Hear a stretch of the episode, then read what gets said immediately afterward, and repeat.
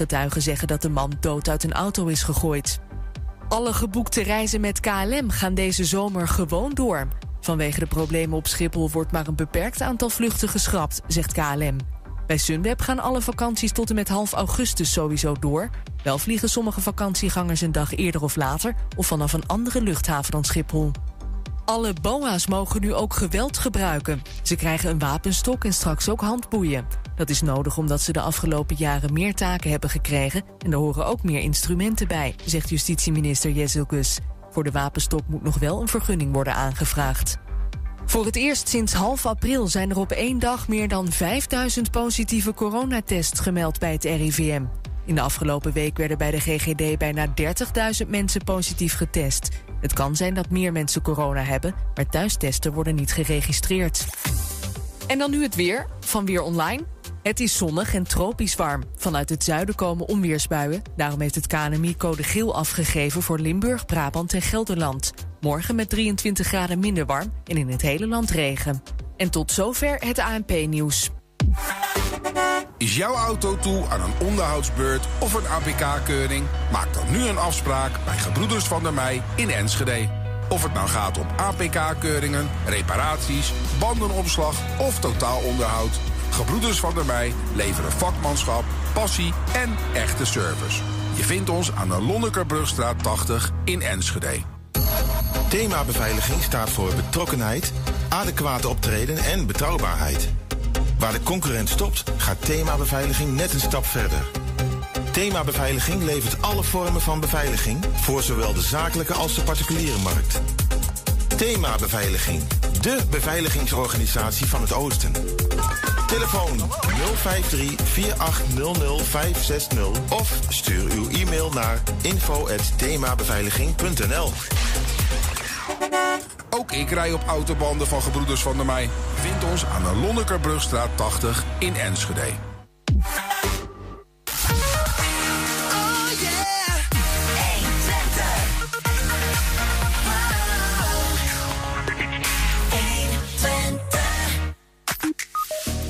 Verdwijnt de boer uit Enschede? Met die vraag begeleidt de stichting Stawel vandaag een open brief, een brandbrief zo goed als, aan de gemeenteraad en het college van Enschede. Ja, veel mensen hebben geen idee wat de eventuele coronamaatregelen zijn in het land waar ze op vakantie gaan. En hoe zit dat met de hengeloers? Als je je niet gebruikte festivalmuntjes inlevert, heb je dan recht op geld terug? Dat vragen we aan Arjon Tiemand van Damstee Advocaten. Ja, we sluiten de donderdag vertrouwd af met het Twents kwartierken. Het is donderdag 23 juni. Dit is 120 vandaag. 120. 120 vandaag. Tientallen bewoners van de Bentelo Brink in Enschede hebben gisteravond actie gevoerd tegen hun woningcorporatie Ons Huis. Ze vinden dat de grondige renovatie van hun woningen helemaal verkeerd loopt. Niet alleen leven zij tussen de rommel en overlast van de werkzaamheden, ook blijken de beloofde nieuwe keukens tot onbepaalde tijd niet leverbaar. Tientallen bewoners van de Bentelo Brink in Enschede hielden woensdagavond een protestactie tegen ons huis. Ze vinden dat de woningcorporatie tekort is geschoten... nu de grondige renovatie van hun huurwoningen anders uitpakt dan verwacht. Dit is mijn woonkamer.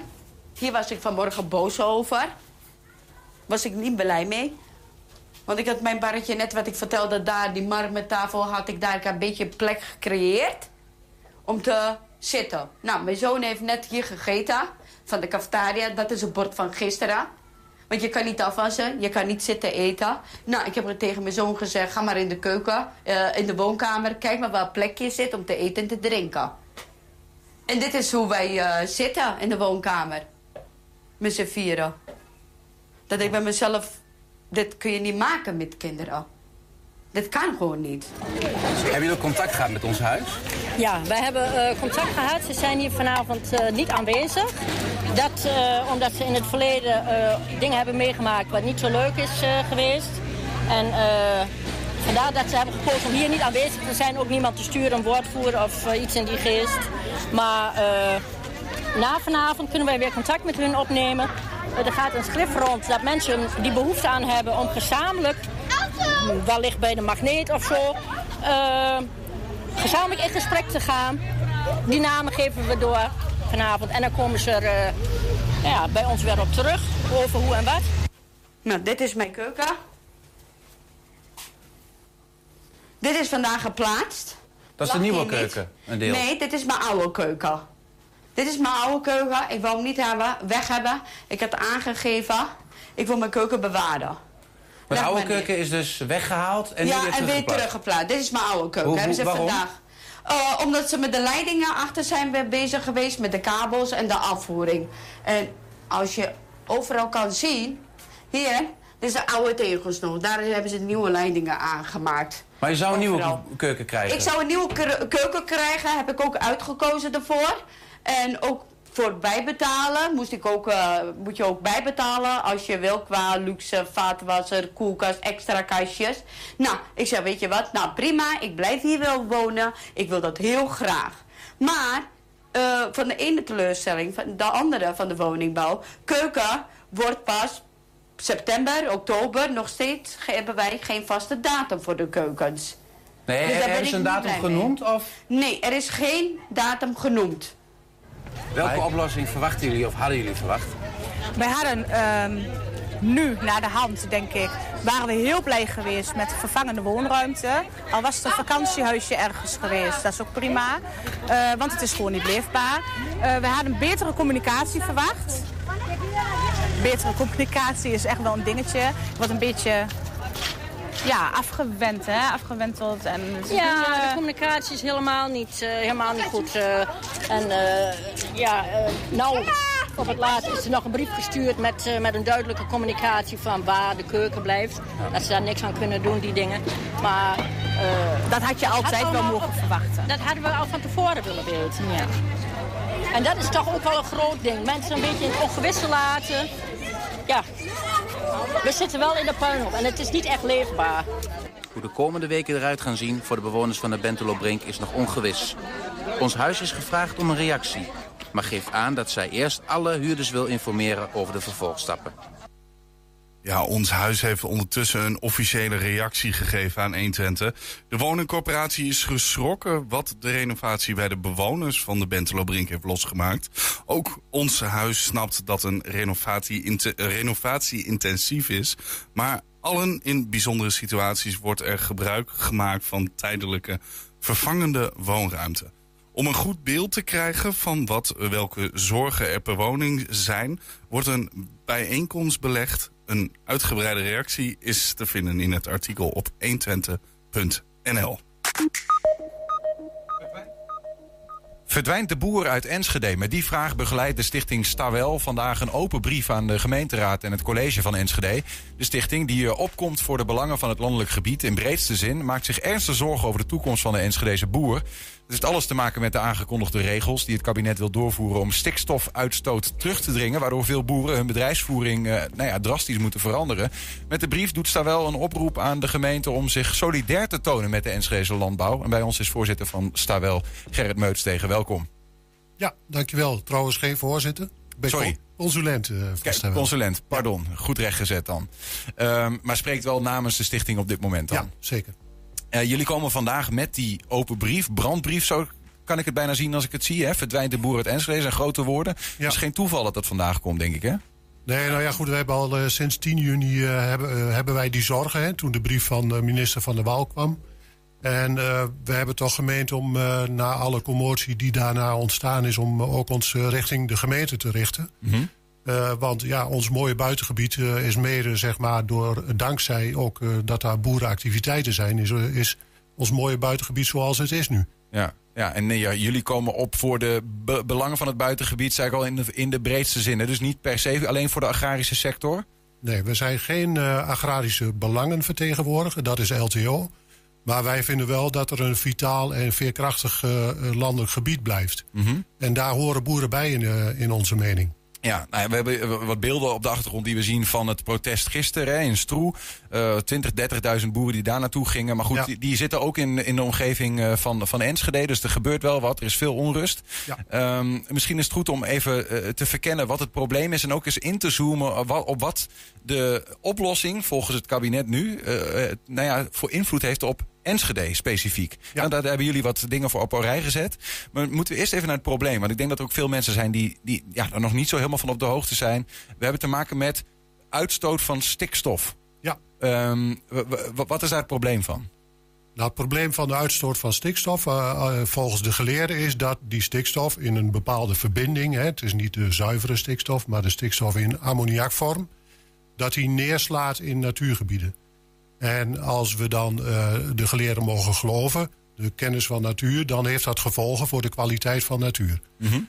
Nou, uh, ontkennen wij niet zeg maar, dat er uh, uitstoot is van stikstof. En wij ontkennen ook niet dat dat gevolgen kan hebben voor die natuur. Mm -hmm. Maar goed, de, de ingrepen zoals ze nu aangekondigd zijn, die zijn best wel rigoureus. Ja, want de, die, die stikstofuitstoot, of in ieder geval die vormen daarvan waar je het over hebt, ammoniak, stikstofoxide zit Ja. er nog bij. Nou ja, Ja. ingewikkeld, maar in ieder Ja. geval dat. Eh, het boerenbedrijf heeft daar een, een bepaald aandeel in. Klopt. Ehm, eh, waar komt dat vandaan eigenlijk? Nou, dat komt uh, met name zeg maar als je de, de mest, de vaste mest van de, van de dieren en de urine van de dieren, als die bij elkaar komen, dan krijg je een uh, chemische reactie. Mm -hmm. Die chemis, chemische reactie die zorgt voor die ammoniak. En die ammoniak die verdampt dan en die gaat de lucht in. Dus dat, dat is een, een natuurlijk proces wat uh, al zeg maar sinds eeuwen plaatsvindt als dat gebeurt. Ja. Dus dat is niet, niks nieuws, maar Ja. dat is een uh, fenomeen Maar wat we kennen. We zijn erachter gekomen dat, die, dat als het dus weer neerdaalt in natuurgebieden, dat dat ontwikkeling heeft. Ik geloof dat het bijvoorbeeld de, de groei van bramen en andere soorten gestruiken weer in de, in de hand werkt. Waardoor die gaan overwoekeren. Ja. En andere plantjes geen kans krijgen. En daardoor bepaalde insecten weer niet. Nou, en het zou Het is, een, het is een, samenvang, een samenhang van factoren inderdaad. Waarbij je niet moet vergeten dat er ook bijvoorbeeld uh, klimaat daar van invloed op is. Dat bijvoorbeeld droogte uh, ook van invloed is. Hè? Uh, bramen en stikstof, dat gaat goed samen. Maar als dat dan ook nog een droge omgeving is... dan groeien ze ook beter dan in een hele natte omgeving. Ja, ja, precies. Nou ja, in ieder geval is, een, is er ook uh, nou ja, een openbaring geweest dat. Nou ja, in ieder geval, openbaring is flauw. Maar er is onderzoek gedaan naar van welke, welke sectoren hebben nou uh, stoten stikstof uit. En de agrarische sector uh, nou ja, heeft een aandeel daarin. Ja.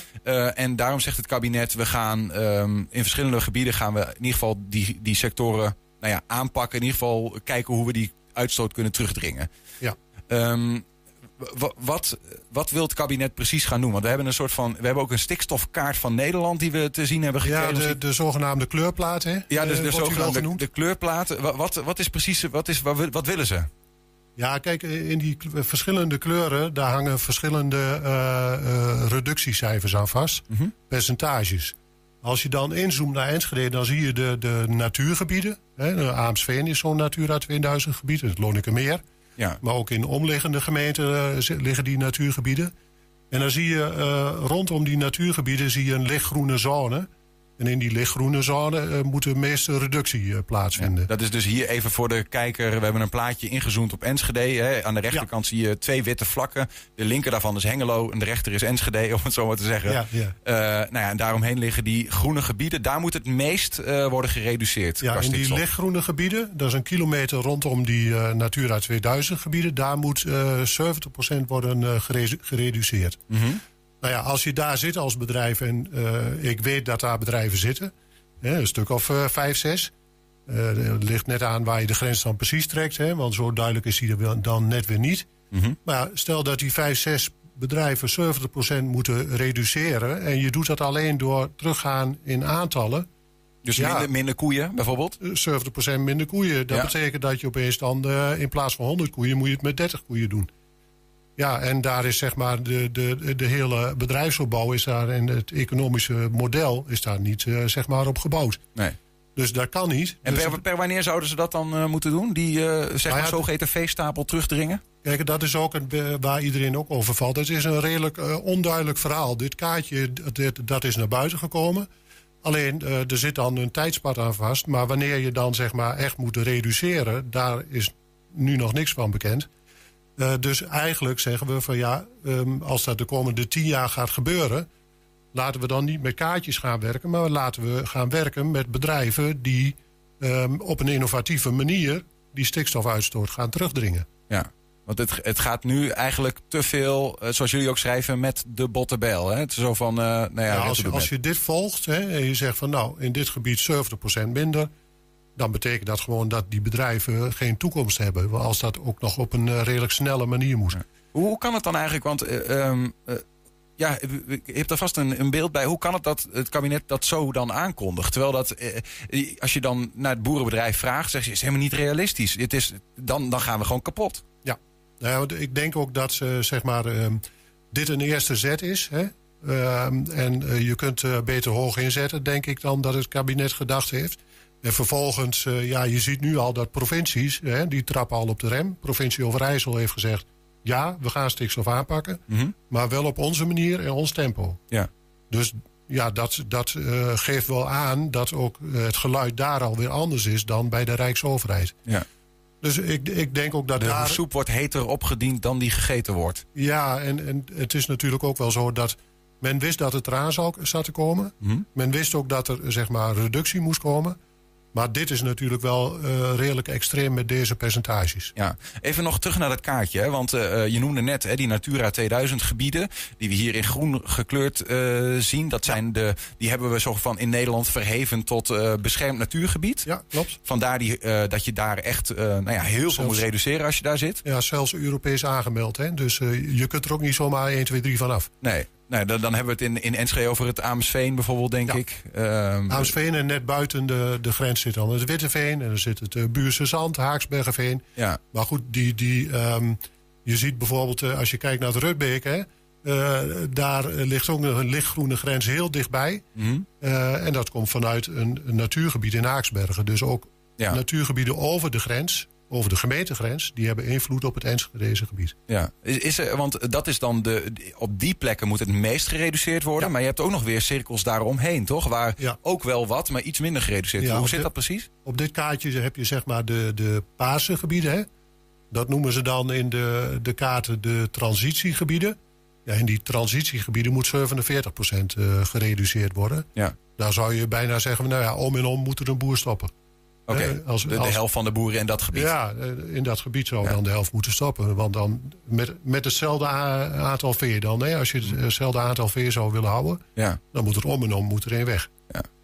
De, de- ja, en als ik dan even probeer gewoon heel eh, door de bank genomen rekensom... dan zou met deze aangekondigde plannen zo'n driekwart van de Enschedeze boerenbedrijven gewoon... eh, Ja, de helft tot driekwart. ja. Ja, Want ik, eh, jullie hebben ook meegeschreven, vond ik wel interessant om even in kaart te brengen. In 2019 heeft Kadaster gekeken van hoeveel boerenbedrijven zijn er in Enschede. ja klopt. 52 melkveebedrijven, nu, Ja. of toen. Toen. Drie varkenshouderijen en één pluimveebedrijf. Ja. Dat is ongeveer de status van de Ja. boerenbedrijven in En Enschede. eh, de- dat, die getallen geven ook wel aan hoe extensief we eigenlijk zijn. Hè? Wat betekent dat, extensief? Extensief dat, dat we een hele lage veedichtheid hebben. Want we hebben hier in Enschede melkveebedrijven, die zijn grondgebonden. Dus die eh, zorgen ervoor dat ze eh, hun meststoffen ook af kunnen zetten, hun dierlijke meststoffen af kunnen zetten op eigen grond. Ehm, en we hebben dus maar drie intensieve bedrijven. En dat zijn dan die varkenshouderijen en pluimveebedrijven die mest af moeten voeren naar elders. Ja, ja, precies. Ehm, dus ja, we kunnen wel zeggen dat Enschede van, het, van oudsher al behoorlijk extensief is. Ja. Dus ja, ook al zou je die bedrijven weghalen... en je ziet dat eh, de uitstoot ook van andere eh, gebieden hier naartoe komt waaien... dan zou dat betekenen dat eh, nou, alle landbouwweg uit Enschede... nog steeds geen oplossing is voor het eh, natuurgebied. Nee. Daarom moet ook in andere gebieden wat gebeuren. Maar kijk je even over de grens, bij het AMSV bijvoorbeeld... Mhm. aan de Duitse kant ligt het weer net iets anders. Ja. Dus de stikstof die daar vandaan komt, Die, dat blijft gewoon doorgaan. die blijft gewoon komen. Ja, dus, dus je kunt dan hier, eh nou ja, roomser dan de paus zijn en dan krijg je het spul van, van de buren. Ja, waarbij ik niet wil zeggen dat we niks over te- hoeven te doen. Hè. Eh, Nee, nee want, want dat is even wel interessant om te onderzoeken. Want ergens vind ik dat, dat vond ik ook nog wel interessant om te constateren. We, we zeiden al, sta wel staat voor de boeren, maar eh, voor, de, eh, voor het landelijk gebied in de breedste zin. Dus Ja. ook voor die natuur. Ja. Een soort van spagaat misschien wel in dit geval. Ja, maar zo wordt het vaak neergezet, hè, dat we tegenover elkaar staan. Maar volgens mij kun je veel meer bereiken als je samen optrekt. Ehm, ik vond daarom ook wel interessant wat eh, eh, de voorzitter van eh, Landschap Overijssel zei... die al de rijkende hand naar de boeren uitstak. Er moet nog ontdekken hè, wat hij dan precies bedoelt. Maar volgens mij moeten we ervoor zorgen dat er voor beide partijen wat in zit. Hebben jullie daar, heb je, of jullie, je, heb je daar een concreet voorstel bij van hoe het in Enschede bijvoorbeeld zou kunnen? Met, met waarmee, waarmee wil je die gemeenteraad of het college, want daar gaat het uiteindelijk om, hè, een open brief aan de bestuurders van Ja. Enschede, aan Ja. de politiek. Ja. Wat wil je eigenlijk? Waarmee moeten ze, moeten ze met hooivorken naar Den Haag of met een goed plan? Nou, kijk, eh, weet je, de eh, gemeenteraad die heeft zelf niet veel invloed op die plannen. Dat is eh, rijksbeleid, dat wordt vertaald naar provinciaal beleid, dus de provincie is aan zet. Maar het zal wel goed zijn dat zij hun kanalen gebruiken naar hun landelijke partijgenoten om dit te agenderen. En het zou goed zijn dat de gemeente Enschede optrekt met andere gemeenten om de provincie te ondersteunen in hun aanpak. Eh, dus dat is eigenlijk de vraag aan de, aan de gemeenteraad en aan het college. Mhm. Kom op voor je, eh, eh, je boeren in je gebied. Hè? Ja. We hebben er al niet zoveel meer. Laten we koesteren wat we hebben. Ja. En laten we die helpen om de slag naar de toekomst te kunnen maken. Ja. En dat is eigenlijk... Want ik begrijp dan even in groot opzicht dat, dat het Rijk, Nederland, drukt. En dat de provincie nu wel wat aan het terugdrukken is. is, ja. En dat je zegt van gemeente, ga nou je aansluiten bij dat collectief. Ja. En, en eh, laat je stem horen. Ja. Maar, dan, maar dan, dan denk ik, kan ik me voorstellen als ik in Den Haag zou zitten, dat ik zou vragen: ja, maar wat is dan je plan? Heb je daar een idee bij? Ja, zeker. We hebben, sterker nog, eh, op dit moment eh, is er het gebiedsaanpak Broekheurne. Broekheurne was sprake van een zonneveld. En toen hebben wij gezegd van dan moet je integraal gaan bekijken. Dan moet je niet alleen maar op energiedossier moet je dat bekijken, maar doe dat integraal. Nu eh, is daar een gebied... Dat- dit is voor mij te snel hoor. Wat Oh, betekent dat? Er, er was bij Broekheurne zou er een zonneveld komen. Ja, en, en dat betekent dus dat er heel veel landbouwgrond omgezet wordt naar eh, een zonneveld. Ja. Dat betekent wat voor dat gebied. Mhm. Hoe je het inricht. eh, en ook wat voor de boeren die daar nog zijn dan. Hè, want die hebben dan Minder landbouwgrond. minder landbouwgrond. Dus kijk daarna op een integrale manier. En neem dan het onderwerp stikstof meteen mee. En dat is eigenlijk wat we nu al aan het doen zijn. Dus we zijn nu al bezig met gesprekken in de gebieden. Mhm. In dat gebied. eh, met eh, mensen, met boeren, met bewoners. Om te kijken van wat zijn jullie wensen, wat zijn jullie ideeën. En laten we kijken integraal of we een plan kunnen bedenken waar we eh, zeg maar die energieuitdaging een vorm kunnen geven. Ja. Waarbij we boeren kunnen helpen met hun verdienmodel. Dat we kunnen zorgen dat zij ook een boterham kunnen blijven verdienen. Dat we wat kunnen doen aan de biodiversiteit. Dat we het klimaatprobleem, eh, hardere buien, nattere periode, lange droge periode. Ja. Dat we daar ook wat mee gaan doen. Ja. En daar hebben we verschil- verschillende partijen mee nodig. Maar dan maak je een integraal eh, verhaal, een plan. En daar ga je mee aan de slag. En dan neem je die stikstof in mee. Maar ik kan me voorstellen, eh, want dat is een, een nobel plan, hè, om, om te kijken, kunnen we nou dat, die hele, al die uitdagingen die er zitten, want dat zijn er nogal wat inderdaad, Ja. eh, toch op een of andere manier in een integraal plan vatten, zodat het allemaal naast elkaar kan bestaan. Nou, ik kan me voorstellen, als het al lukt, dat het een tijdje duurt voordat je dat voor elkaar hebt. Ehm, toch of niet? En, en, en als, wat nou als, want dit is in één keer nu met stoom en kokend water neergelegd. Ja, nee, maar zo lijkt het. Maar het is ook eh, wel zo dat je ook in dit plan, hè, zoals het er nu ligt, dat zal niet volgend jaar klaar zijn. Nee. Eh, dat kan niet. Dat is, dat is onmogelijk. Dus we hebben tijd nodig. Eh, de, dit plan biedt ook wel tijd. Dat geeft ook aan. Hè. We gaan met elkaar in gesprek. Kijk naar die doelstelling. Maar neem die als uitgangspunt. En kijk dan samen met het gebied waar, waar je komt. Dus daar moeten we nu goed naar kijken. En niet die druk en die haast erop van... nu moeten we hè, de bottenbel, nogmaals... Mhm. die moeten we niet hanteren. Ja, maar en, en als je dan eh, ehm, met alles wat je kunt overzien eerlijk kijkt naar de toekomst, denk je dat dat zou kunnen lukken? Dat er zo'n ja, integraal plan is waarbij alles wordt eh, opgepakt? Kijk, er zijn altijd keuzes en er zijn altijd dilemma's. En op enig moment moet je dan een knoop doorhakken. En dat zal niet voor iedereen zal dat een, eh, een, ja, een goede uitkomst Ja. hebben. Maar goed, dat is met alles in, in het leven. Je moet soms keuzes maken. Maar dan heb je in ieder geval wel alles aan gedaan om zeg maar, dat in een zodanige vorm te gieten... dat ook elk onderdeel een, eh, zijn aandacht krijgt. Ja. Kortom, we moeten iets langer eh, de tijd nemen om te kijken of we niet alleen eh, het boerenbedrijf om zeep hoeven te helpen, maar dat we gewoon, of er ook andere oplossingen zijn waarbij Ja. en zij een plek krijgen en de natuur een plek krijgt. En we moeten niet vergeten dat wij boeren hebben die op de, de meest innovatieve en schone manier, als je wereldwijd kijkt, produceren. En, ehm, onderzoek geeft aan dat we in Nederland op een hele efficiënte en ook wel hele milieuvriendelijke manier al produceren als je dat vergelijkt met andere gebieden in de wereld. Ja. Dus ja, laten we vooral zeg maar, dat een kans geven. En laten we proberen om die boeren die er nog zijn en die toekomstgericht verder willen, dat we die ook zeg maar, de toekomst bieden. Ook in ons mooie buitengebied. Gerrit Meutstegen, dankjewel. Consulent van uh, Stichting Stawel was bij ons om even te praten over dus jullie uh, open brief, brandbrief noem ik het zelf maar, uh, naar het college en de Raad van Enschede. Over, nou ja, toch wel zorgen om het voortbestaan van het Enschedese boerenbedrijf. we gaan het blijven volgen. Dank voor, voor, deze, ja. voor dit aanschuiven in ieder geval. Oké, okay, graag gedaan. Je hebt muntjes voor een festival gehaald, maar aan het einde blijkt dat je er nog wat over hebt. Ja, is het festival dan verplicht om je er geld voor terug te geven? Dat vragen we zo meteen aan Damstee-advocaat Arjon Tiemann. We zijn ook als podcast te luisteren. Je vindt ons op alle bekende platforms, de hele uitzendingen, maar ook elke dag één item uitgelicht. 120. 120 vandaag. Drie op de vier Nederlanders gaan dit jaar op zomervakantie. En zoals altijd zijn vooral Frankrijk, Spanje en Italië populair. Veel mensen hebben echter geen idee wat de eventuele coronamaatregelen zijn in de land van de bestemming. Dat blijkt uit een peiling van onder meer 2000 Nederlanders.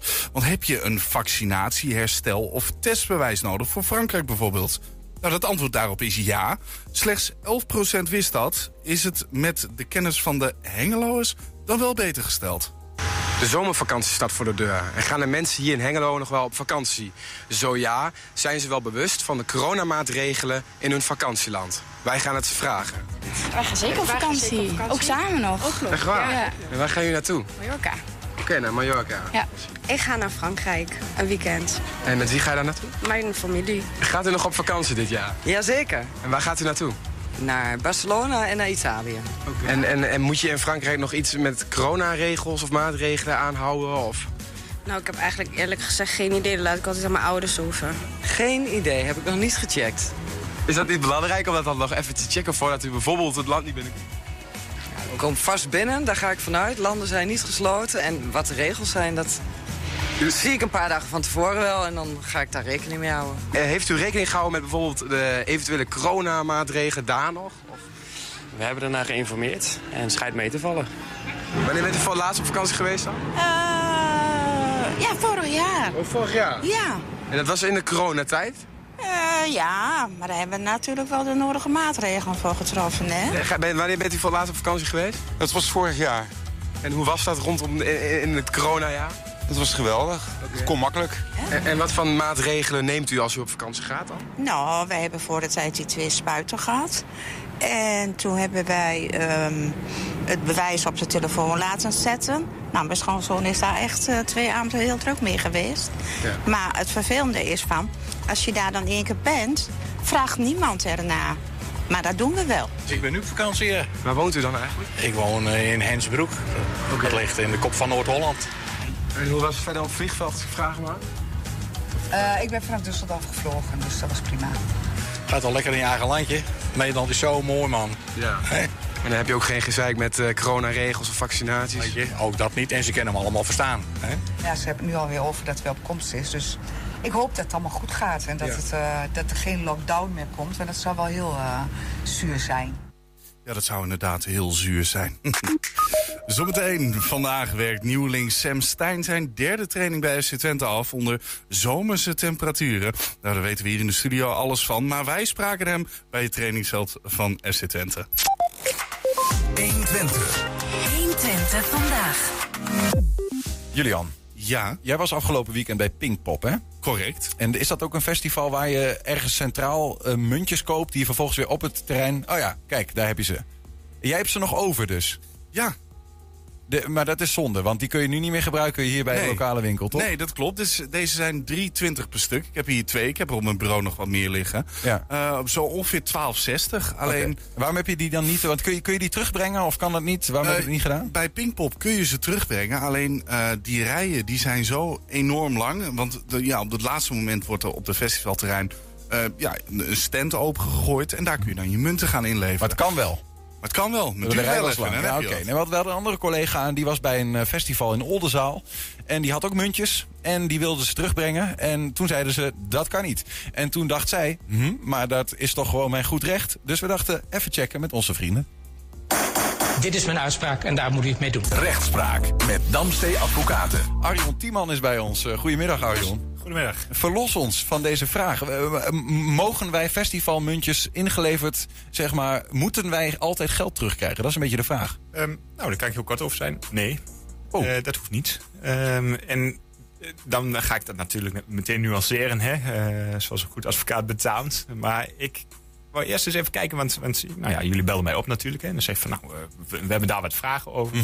En toen dacht ik, ja, hoe zit het nou eigenlijk met die muntjes? Wat, wat zijn dat? Ehm, dus ik ben door die wet gaan bladeren en ik heb even gekeken van, nou, wat hebben we allemaal voor definities? En ehm, nou ja, wat ik eigenlijk al van tevoren al een beetje aanvoelde. In de wet staat niet zoiets als eh, wat is een festivalmuntje? Hè? En, en eh, welke eh, rechten gelden daar? Hè? Wat, wat voor rechten en verplichtingen gaan daarmee gepaard? Ehm, en wat doe je dan normaal gesproken? Dan ga je uitleggen, wat, wat heb ik hier? Hè? Voor, wat voor zaak of, of recht heb ik hier? En binnen welk kader past die het meest? Hè? Waar kan ik hem in plaatsen? Het lijkt een beetje op een waardebon, zou ik zeggen. Nou, exact. Hè? Da- Daar kom je dan vrij snel op uit. Eh, dan ga ik wel verklappen, ik kom daar niet helemaal. Want als we het over waardebonnen hebben... dan heb je een aantal, eh, eh, nou echt wel kenmerken van een waardebon... die nou, de achterliggende gedachten zijn van de regeltjes over waardebonnen in de wet. Mhm, Die zijn maar heel beperkt hoor. En, en ook sinds 1 januari dit jaar is er een regeltje opgenomen over waardebonnen. Oké. Dat zou ik zo even benoemen hoor. Maar dat, dat eh, eh, ziet eigenlijk vooral op cadeaubonnen. En wat is nou de essentie van een cadeaubon? Je geeft een beetje geld aan, aan de uitgever van die cadeaubon. En die geef je vervolgens weg. Hè, op, een, op een eh, verjaardag aan iemand. En die kan er dan wat leuks voor halen. Mhm. Ehm, een festivalmuntje, die, wat is het kenmerk daarvan? Die is eigenlijk puur voor eigen gebruik. En nou ja, je kunt natuurlijk wat biertjes aan vrienden geven, maar het valt niet helemaal samen met de cadeaubon. Ook omdat, en dat is het regeltje waar ik het net over had, die er sinds 1 januari in staat.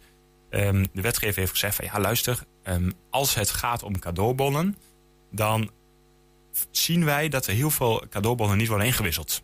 Die worden verkocht en daar, eh, gaat, eh, nou daar schrok ik eigenlijk van, eh, anderhalf tot 2 miljard per jaar aan cadeaubonnen eh, doorheen eh, in Nederland. Die, die, maar die Ehm, worden wel soms gebruikt en soms niet. Of is het, blijft er zoveel op de plank liggen? Een heel groot deel daarvan, die wordt niet gebruikt. Oh, omdat de eh, termijn om, om ze in te wisselen, die verstrijkt. En dan denken mensen, shit, ik heb hem niet gebruikt. En dan gooien ze hem weg. En wat, wat gebeurt er dan? Dan is er betaald. Maar vervolgens staat er geen tegenprestatie tegenover. Ik krijg niet een, een cadeautje. Ehm, en dat vond de wetgever niet helemaal eerlijk. Dus die heeft gezegd van, nou ja, hoe kunnen we dat veranderen?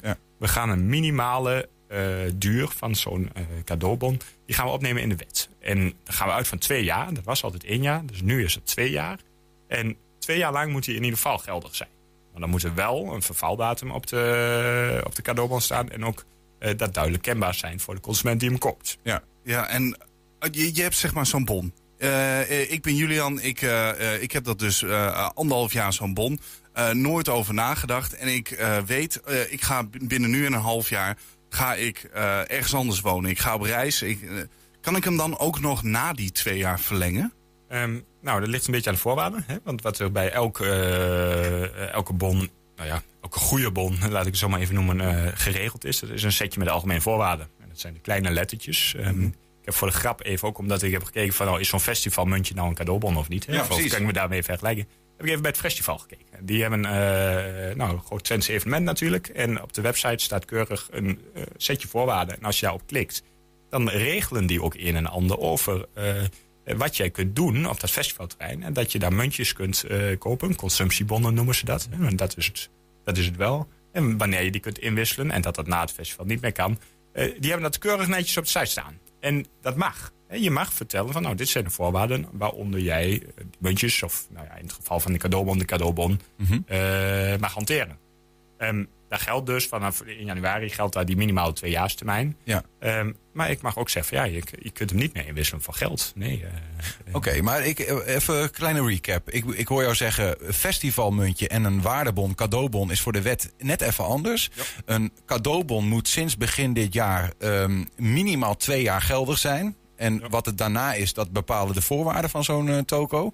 Maar als we dan kijken naar die festivalmuntjes, hoe lang moeten die dan minimaal geldig zijn? Nou ja, dat staat er dus niet in. Hè? En, en eh, daarom noemde ik ook even, kijk, eh, daar staat in de wet niets over geregeld. En zou ik hem zo uitleggen dat het een cadeaubon is? Hè, Stel je, nou, we gaan met elkaar naar de rechtbank en ik ben jullie advocaat. En ik zeg van, nou, die muntjes, die moeten terug. Ehm, dan kan ik betogen, ja, maar je moet dat muntje als een cadeaubon zien. Ik denk niet dat je daar komt. Ik denk dat een rechter zou zeggen, ja, weet je, hoe moet je dat muntje nou zien? Dat is, ehm, je koopt het recht om voor een muntje een drankje te halen. En dat recht, dat betaal je alvast. En, en dat muntje is alleen een bewijsstukje dat jij recht hebt op een drankje. Nou, ehm kom tegen het volgende probleem. Want dan kom ik bij het kraampje. En dat kraampje zegt vervolgens... Ja, je moet drie muntjes voor mijn drankje betalen. Ja. Dat is niet, één muntje is niet voldoende. Ehm, maar ik denk dat je het in die hoek moet zoeken. En dan gaat het er vooral om dat die festivalorganisator... dat die jou duidelijk en vooraf ook vermeldt van... nou, eh, let op, je mag dit muntje alleen dit festival inwisselen en anders niet. Doen ze dat niet, dan komen we in de volgende fase. En dan zou ik zeggen, luister eens, we hebben te maken met de consument. Jullie mogen wel wat voorwaarden eh, opstellen. Maar het is wel heel onredelijk om die consument zonder dat hij dat weet... een muntje te verkopen. Ja. En dan vervolgens heeft hij er heel veel nodig om een drankje te halen. En als hij ze niet uitgeeft, dan is hij voor altijd kwijt. Kortom, als het om festivals gaat, sorry. Ja, ik, ik, ben, ik was gisteren eh, eh, was, was ik bij Green Day. eh, in Groningen en eh, vandaag is daar Guns N' Roses. Die hebben gisteren kun je daar een, een, een muntje kopen op dat terrein. Wat als dat muntje, de, kan het ook zo zijn dat dat muntje de volgende dag gewoon geen enkele waarde meer heeft? Ongeacht dat het eh, ja. een paar uur later pas is. Ja, maar de- daar ontstaat wel een eh, bezwaar, vind ik. Want als ik naar, eh, naar, naar dezelfde eh, organisator ga... Hè, er even van uitgaande dat er niet verschillende partijen zijn die het organiseren... maar vaak is zo'n event creator eh, die, die zegt van... nou, ik huur ver- ver- verschillende artiesten en die laat ik daar optreden... of eh, meerdere dagen verspreid. Ehm, dan vind ik het wel moeilijk uit te leggen om te zeggen... ja, dat muntje wat je gisteren hebt gekocht bij mij... is vandaag niets waard. Terwijl de organisatie en de opzet en alles is hetzelfde. Hè. Er staat een andere artiest, maar eh, we zijn dezelfde partijen. Ehm, want als je dan roept van ja, maar muntje, het uitgangspunt... dan denk ik toch eventjes hè, dat we, dat we ehm, in, in de sfeer van die cadeaubonnen zouden uitleggen bij een rechtbank. Dan zeggen we van ja, daar geldt twee, eh, twee jaren. Ik snap wel dat het bij een festivalmuntje niet kan. Maar als we een paar uur later of een dag later... met hetzelfde muntje bij dezelfde partij komen... in dezelfde eh, gelegenheid en hetzelfde drankje wil kopen... Ja. dan is het wel heel cru om te zeggen van ja, dat mag niet. Nee, precies. En- Dus in dat opzicht, eh, daar hoef je dan misschien wat minder zorgen over te maken. Anders ko- komt Arion Tiemann wel eh, voor je op. Maar als het gaat om festivals, dan is het dus wel zaak. Kijk even of je muntje eh, na het festival nog geldig eh, is. En zo niet, ja, dan eh, drinkt de hele toko leeg, wat mij betreft. ja, ik- Nou, zou we kunnen beginnen, Niels. ik wil ja, wat ja, tracteren, ja. maar ik heb nog maar twee muntjes. Ja, je, je, je kunt er natuurlijk een ontzettend groot probleem eh, van maken. Als je nou, maar, heel flauw hoor. Maar dan roep je gewoon dat je gedwaald hebt. Ja, je wist het allemaal niet. Hè? En dan gaan we die overeenkomst vernietigen. Dan komen de muntjes terug, krijg jij je geld terug. Dan kom je er wel. Eh, maar we moeten via de rechter. En ik denk dat voor die paar euro die jij daar hebt liggen... dat je niet, eh, niet naar de rechter moet. Hè? Dan zegt van, wat doe je hier? Eh, Ja, dankjewel Arjan voor, eh, voor onze opheldering over dit Ja, enorme vraagstuk wat boven ons hoofd hing. Ik had ook nog vragen eventueel over hè, kledingruilen. Sommige winkels krijg je dan een waardebon terug in plaats van geld. Maar daar komen we dan misschien als cliffhanger, misschien een nou volgende ja, keer nog wel op. ik, ik zou, ja, heb je nog tijd? Of, Nee, we hebben, we, we voor nu niet meer. Dus ik dacht, we, we nou, plaatsen die, even, die even vast. Precies, we plaatsen die even als cliffhanger voor een volgende keer als je terugkomt. En dan gaan we daar lekker met elkaar over verder. Dat doen. Bedankt. Zometeen een nieuwe editie van Het Twents Kwartierken. 120. 120 vandaag. Ja, toen FC Twente vrijdag aan de voorbereiding begon, was het nog niet met een complete groep. Zo keerden de internationals Siruki en Sadilek vandaag pas terug. En ook maandag sloten er twee spelers aan. Czerny, die nog interlands gespeeld heeft met Tsjechië. En nieuweling Sam Stein, voor wie het de afgelopen seizoen ook wat langer duurde. Hij schopte het met ADO tot de finale van de play-offs om promotie-degradatie.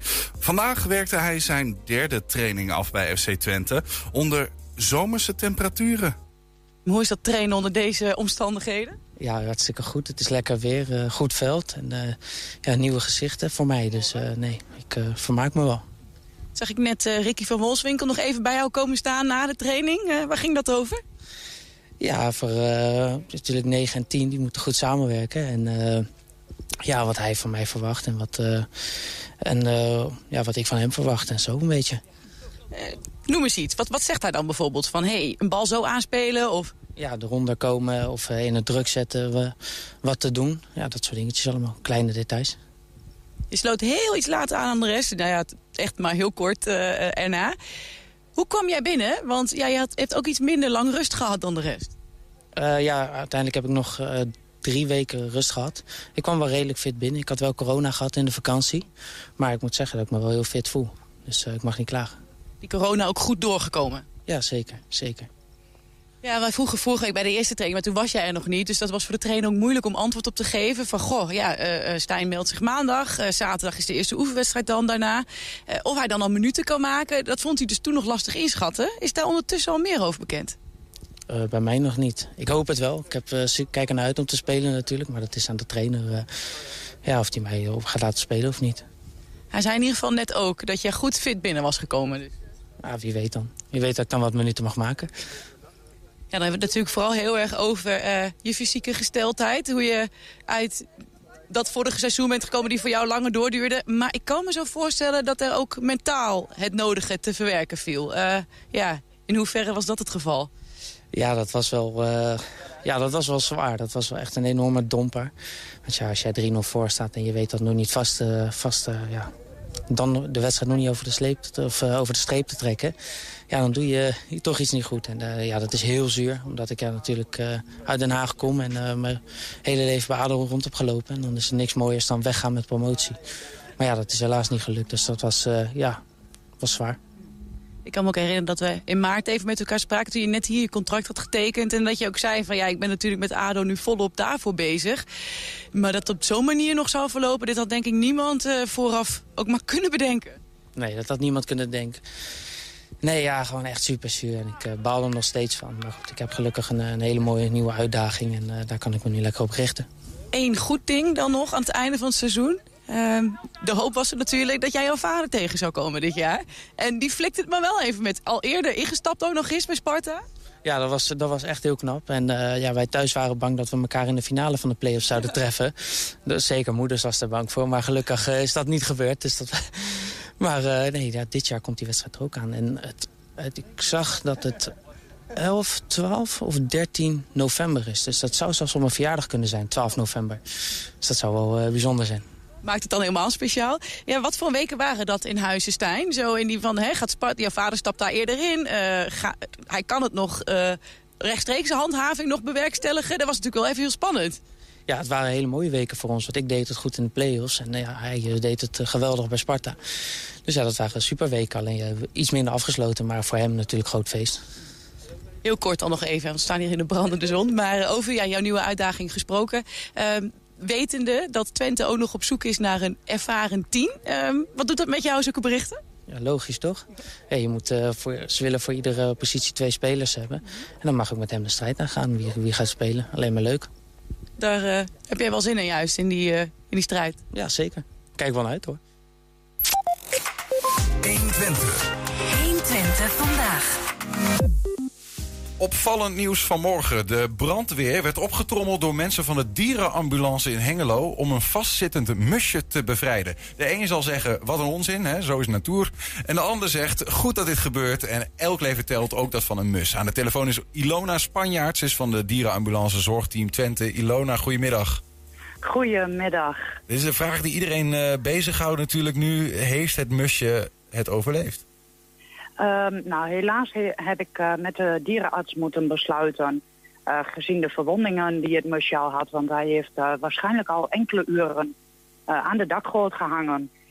dat de verwondingen dusdanig waren dat, dat het musje moest worden ingeslapen. Een, een, musje die aan een dakgoot hangt en daardoor niet overleeft. Misschien moet je even uitleggen, Ilona, wat is er nou precies gebeurd? Uh, nou, wat er precies uh, gebeurd is, is uh, ik, ik werd gebeld ehm, in eerste instantie, zogezegd, door de brandweer zelf. later door de meldster. zij had aan haar woning ehm, aan de dakgoot een musje hangen. En zij kon op dat moment nog niet zien of die met een vleugel of met een pootje vasthing. Nou, met de brandweer heb ik afgesproken dat ik eerst ter plaatse ging om te kijken wat de situatie was... En uh, nou, daar eenmaal te plaatsen zag ik inderdaad een klein musje op zijn kop hangen. Uh, aan zijn pootje. Uh, onder de beugel van de dakgoot. En uh, ik heb nog niet goed op dat moment kunnen zien waar die precies aan vast zat. Of dat echt het pootje zelf was. Mm -hmm. dus ik heb de brandweer gebeld. Want ja, ik, ik kon natuurlijk niet zo hoog komen om dat musje zelf te bevrijden.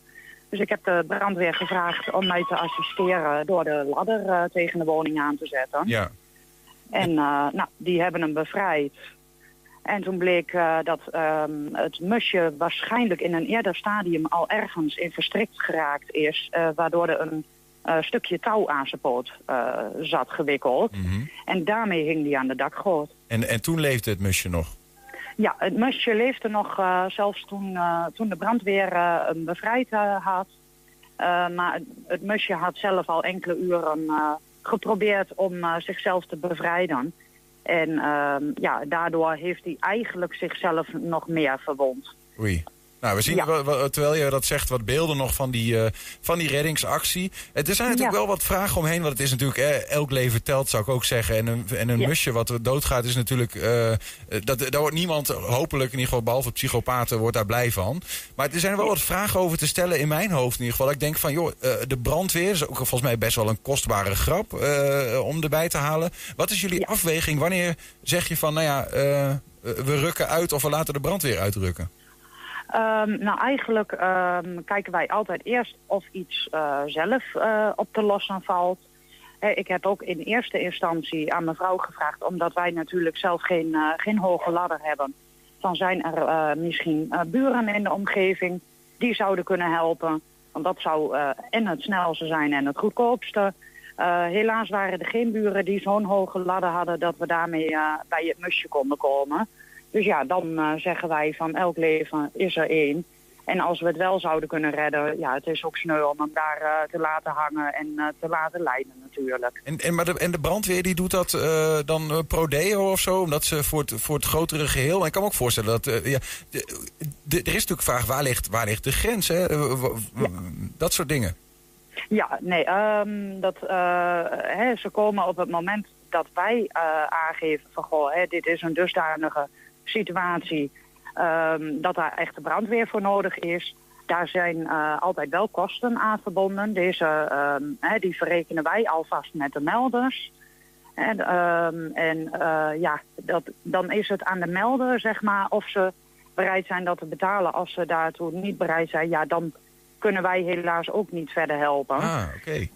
Ja, ja, dat, uh, dat dus... is het een beetje. Nou, gelukkig deze mevrouw, die vond dat geen probleem om die kosten te betalen. Want die vond het ook erg sneu om dat musje daar te laten hangen. Uh, hoeveel kost zoiets? Even, ja, dat is misschien een hele lullige vraag. Want het gaat hier wel om een leven. Maar ik ben toch wel benieuwd. Ja. Uh, als wij ze oproepen, kost dat 30 euro. En daarom geeft de brandweer ook altijd bij meldingen waar dieren bij betrokken zijn... geven zij altijd te kennen van bel eerst even de dierenambulance... Ja. Zodat wij eerst even kunnen kijken of het echt nodig is dat de brandweer komt. Ja, nou ja, 30 euro in dit geval is de afweging gemaakt om, uh, om het in ieder geval te proberen. Het is, het is niet, helemaal, uh, niet helemaal gelukt, maar het is wel een, een nobel streven geweest om de mus uh, te verleiden uit, ze verlossen ja. uit zijn lijden, moet ik zeggen, en, een, en het leven weer te geven. precies, precies. En dit soort acties, dat doen we ook wel eens bijvoorbeeld met een kat in de boom. He, daar geldt uh, over het algemeen natuurlijk wel de regel. Um, he, als een kat uh, 24 uur of langer in de boom zit... dan gaan wij eerst ter plaatse, gaan we kijken wat de situatie is. He, om te kijken, kunnen we hem op een andere goedkope manier eruit krijgen. Zo niet, uh, ja, dan gaan wij ook weer assistentie vragen van de brandweer. Ja, nou ja, en de brandweer, die, die, uh, als ze tijd hebben, dan komen ze... en dan krijg je een rekening van ongeveer 30 euro. Dat, dat, scheelt, dat valt dan wel mee, toch? Precies, precies. Zo denk ik ook. Hè. Vooral bij huisdieren snap ik helemaal. Hè, dat, uh, ja, als je dat er niet voor over zou hebben, dan, uh, hè, dan ben je eigenlijk het dier ook niet helemaal waard, vind ik uh, persoonlijk. Ilona, Spanja, dankjewel voor je uitleg even. In, de, toch wat inzicht in wat voor keuzes er worden gemaakt en waarom. En nou ja, bedankt voor het nobele streven voor de mus namens ja, ons. Dank u wel. Ja. Heel graag gedaan. En succes met jullie werk. Ja, dankjewel. Fijne avond. Heb je een tip voor de redactie? Dat kan.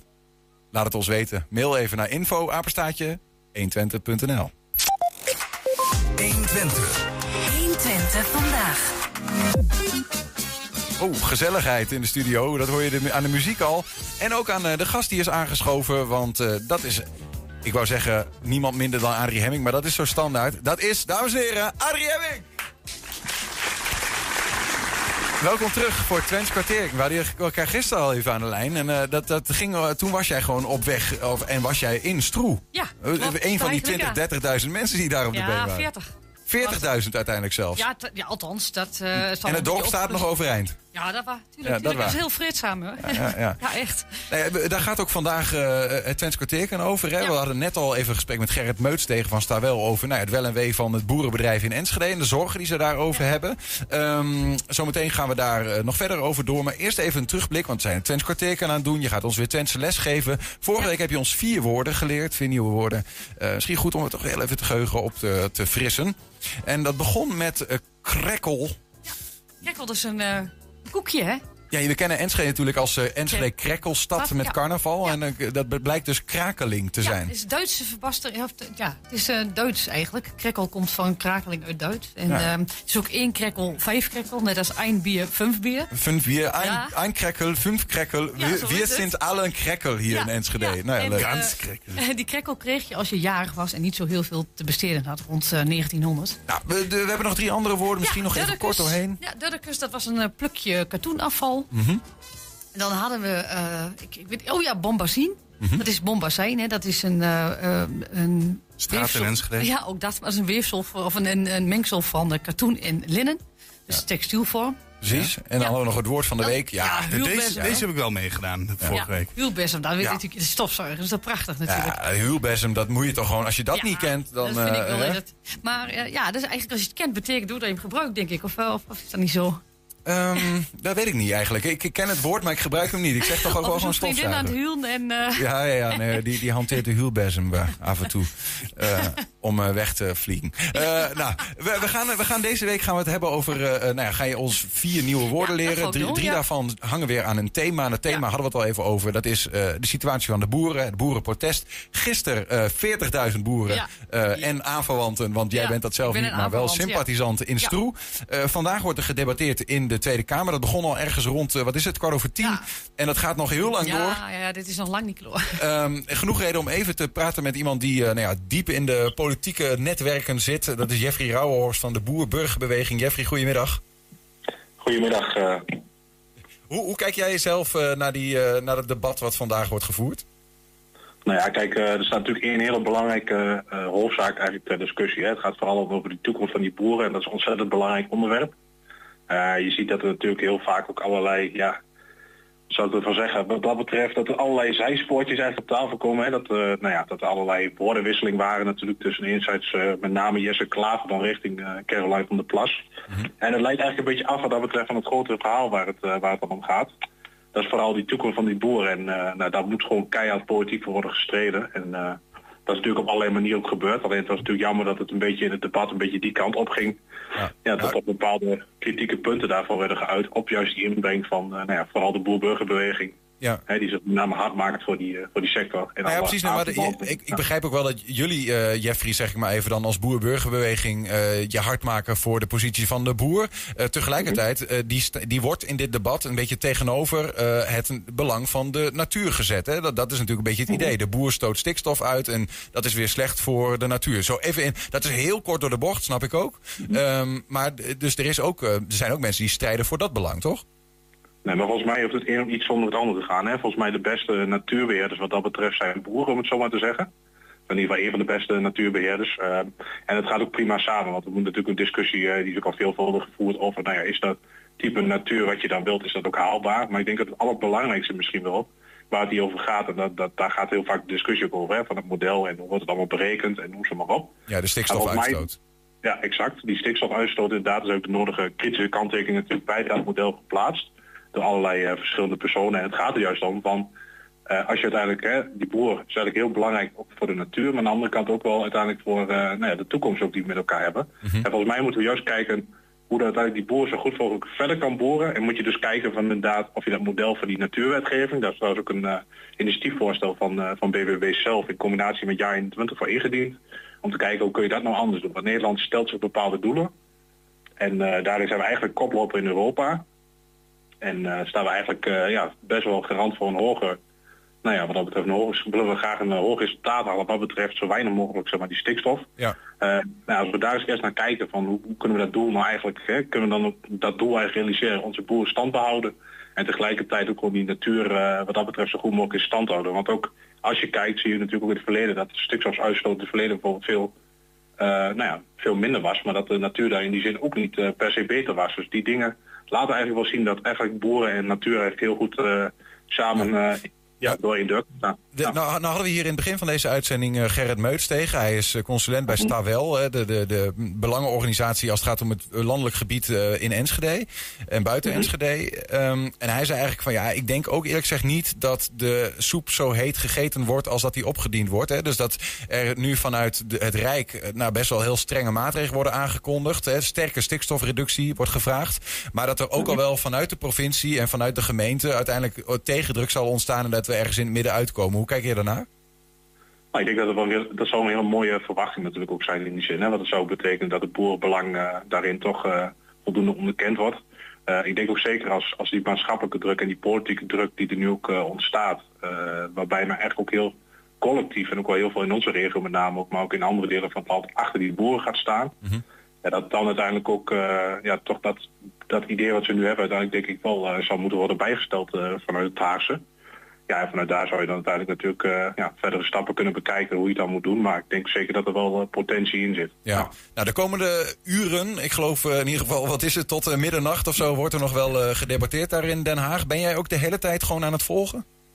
Nee, ik moet ook eh, uiteindelijk gewoon werken. Dus dat betekent ook dat ik niet eh, voortdurend tijd om op te kijken. Maar mocht ik wat vrije tijd hebben, dan eh, volg ik het ook wel met een schuin oog. Eh, ja.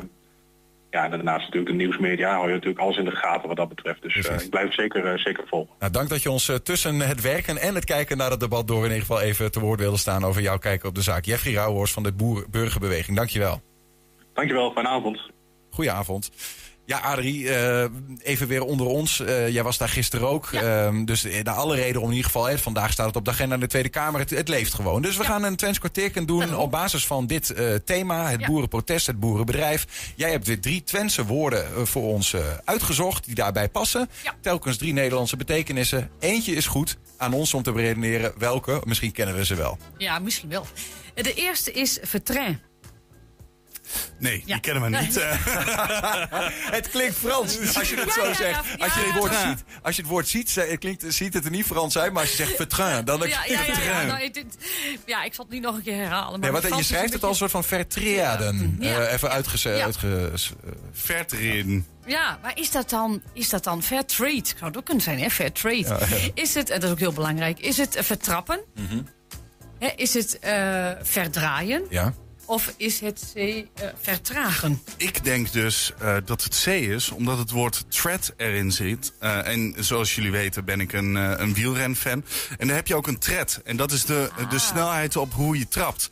Eh, dat is Mooi. een, een tread. Dus ik denk dat het eh, het vertragen is. Mooi, vind ik mooi. Ik vind het ook leuk dat jij dat zegt, want ik heb een ander idee. Eh, ik denk gewoon dat het vertrappen is, hè? Vertreden, iemand, ver- iemand vertreden. Ik zou dat dus niet ja. doen, want dan heb je het fout. Oh. Ik zou gewoon C doen. Ik ga toch voor A. Eh, recalcitrant als ik ben. Net als sommige werkt, andere hè, mensen in ons land. Ja, dat moet ik weer. Want anders is niks te Daarom. belemmen. Hè. Ik vind dat wel mooi. Er moet Nou. een beetje actie weer. Vullen wij in antwoord nummer A. Adrie, vertel het ons. Ja, Julian, je had het mooi bedacht. En ik vind het ook heel eh klok. Maar toch heeft, eh heeft Niels gelieken. Ja. Klok is dan weer slim, hè mensen? Ik wel leer. Ja, dat heeft hij gelijk aan. Hupsakee, 1-0 voor Niels. Veurink. Op Ja. naar woord 2. Sorry. Dus ja, zoiets. Eh schoer. Nou, vind ik niet aardig. Nou, nee, maar wat, is schoen? Ja, wat, wat zal dat nou weer? Is dat, ehm, is dat gepolijst hè, van schuren? Ja, ja, weet je, dit wordt allemaal eh, glad gepolijst. eh, al deze wetgeving en deze stikstoftoestanden. Of is het een schuur?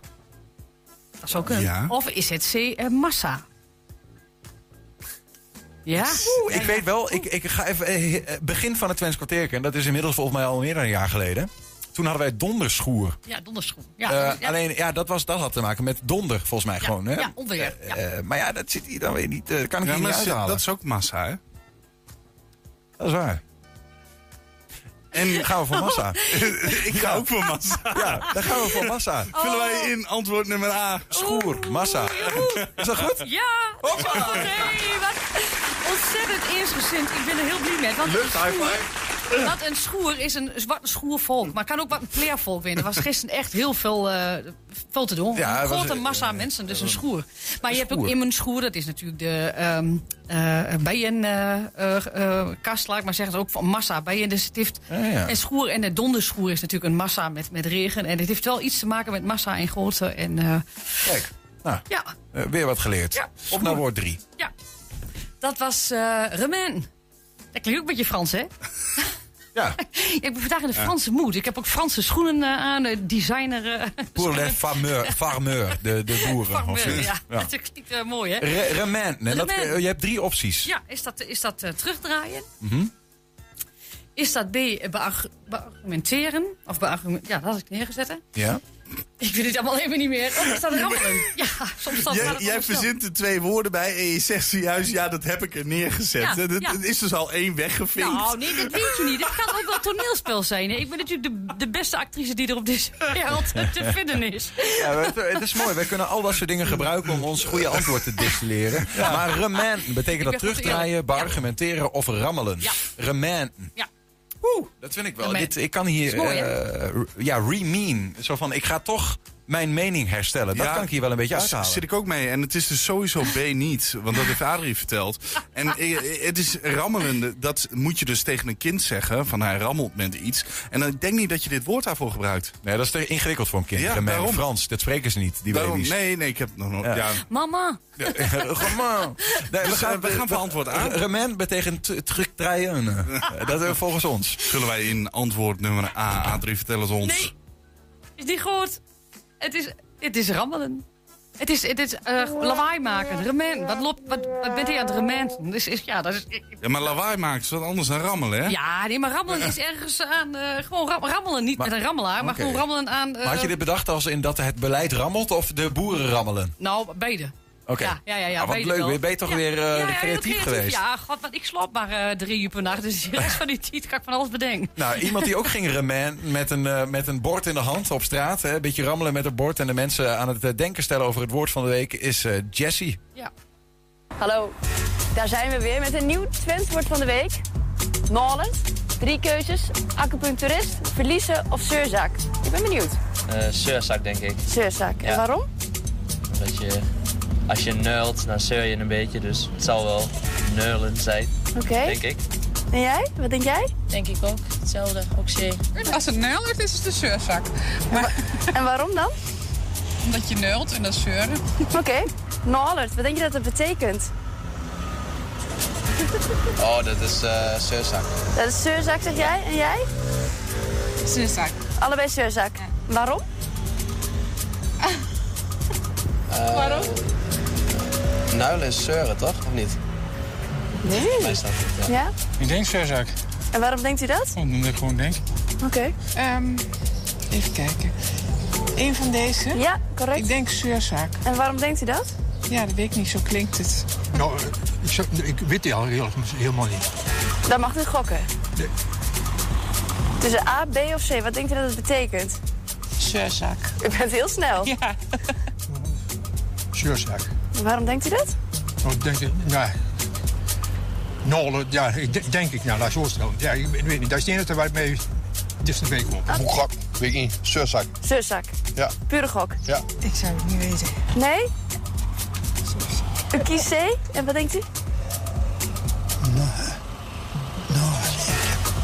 Ik heb geen idee. Uh, C. Zeurzak. Ja. En waarom? Verschoeide gok. Ik ben geen tukker. Nee. Zeurzak. En waarom denkt u dat? Eh, omdat het woord afkomt van neulen. Ik weet, ik zou niet weten. En als u mag gokken, en dat mag, Zuurzak. zeurzak. Zuurzak. En waarom denkt u dat? Nou, dat denk ik gewoon zo. Dat lijkt me erop in ieder geval. Geen idee. Je kunt kiezen tussen A, B of C. Ik zal aan Suezak weten. Zeurzak? Ja. ik heb dit werkelijk waar nog nooit meegemaakt. Dat iedereen het verkeerde antwoord heeft. Of niet? Wat denken jullie, jongens? Ja, dit is voor, voor mij bijna categorie hulbesem. Maar dat weet ik niet zeker. Nou, Als ehm, in dat het, ik, ik, ik denk dat, het, eh, dat bijna iedereen dit weet. eh, het is C. Ja, je zegt er gewoon, eh, ja, niet zo nul. Ja, want mijn vrienden zeggen dat wel eens tegen mij. Dus ik kan wel begrijpen dat, dat ze mij een zeurzak noemen. Ik zit er nu wel te denken, misschien als wij dit beide weten, dat het geen goed teken is. Want de, de- ik hoor dat blijkbaar Ja. ook. niet zo nerd. Maar ik ben ik een nerd? Ja. Vinden jullie mij een beetje een nerd of niet? Nee. Zijn wij nerds? Nee, vind, ik vind helemaal niet. Jullie Ik ben helemaal geen. Dat kun je wel laten Nee, weten. nee. Heel creatief. En ik ben ook geen jullie. verliezer. Nee, nee, nee. Het een tegendeel. Nee, ja, vandaag hebben we, als die dit goed hebben, toch aardig gewonnen, vind ik. Ja, je maar scoort heel erg. ehm, wij voeren dus allebei in antwoord C. Er is maar één die het antwoord heeft. Dat is Jessie. Het antwoord is verliezen. Grapje. Zeurzak. Iedereen had het goed. Ik schrok wel. Ik schrok heel erg. Ik ook. Maar je krijgt hem wel van me.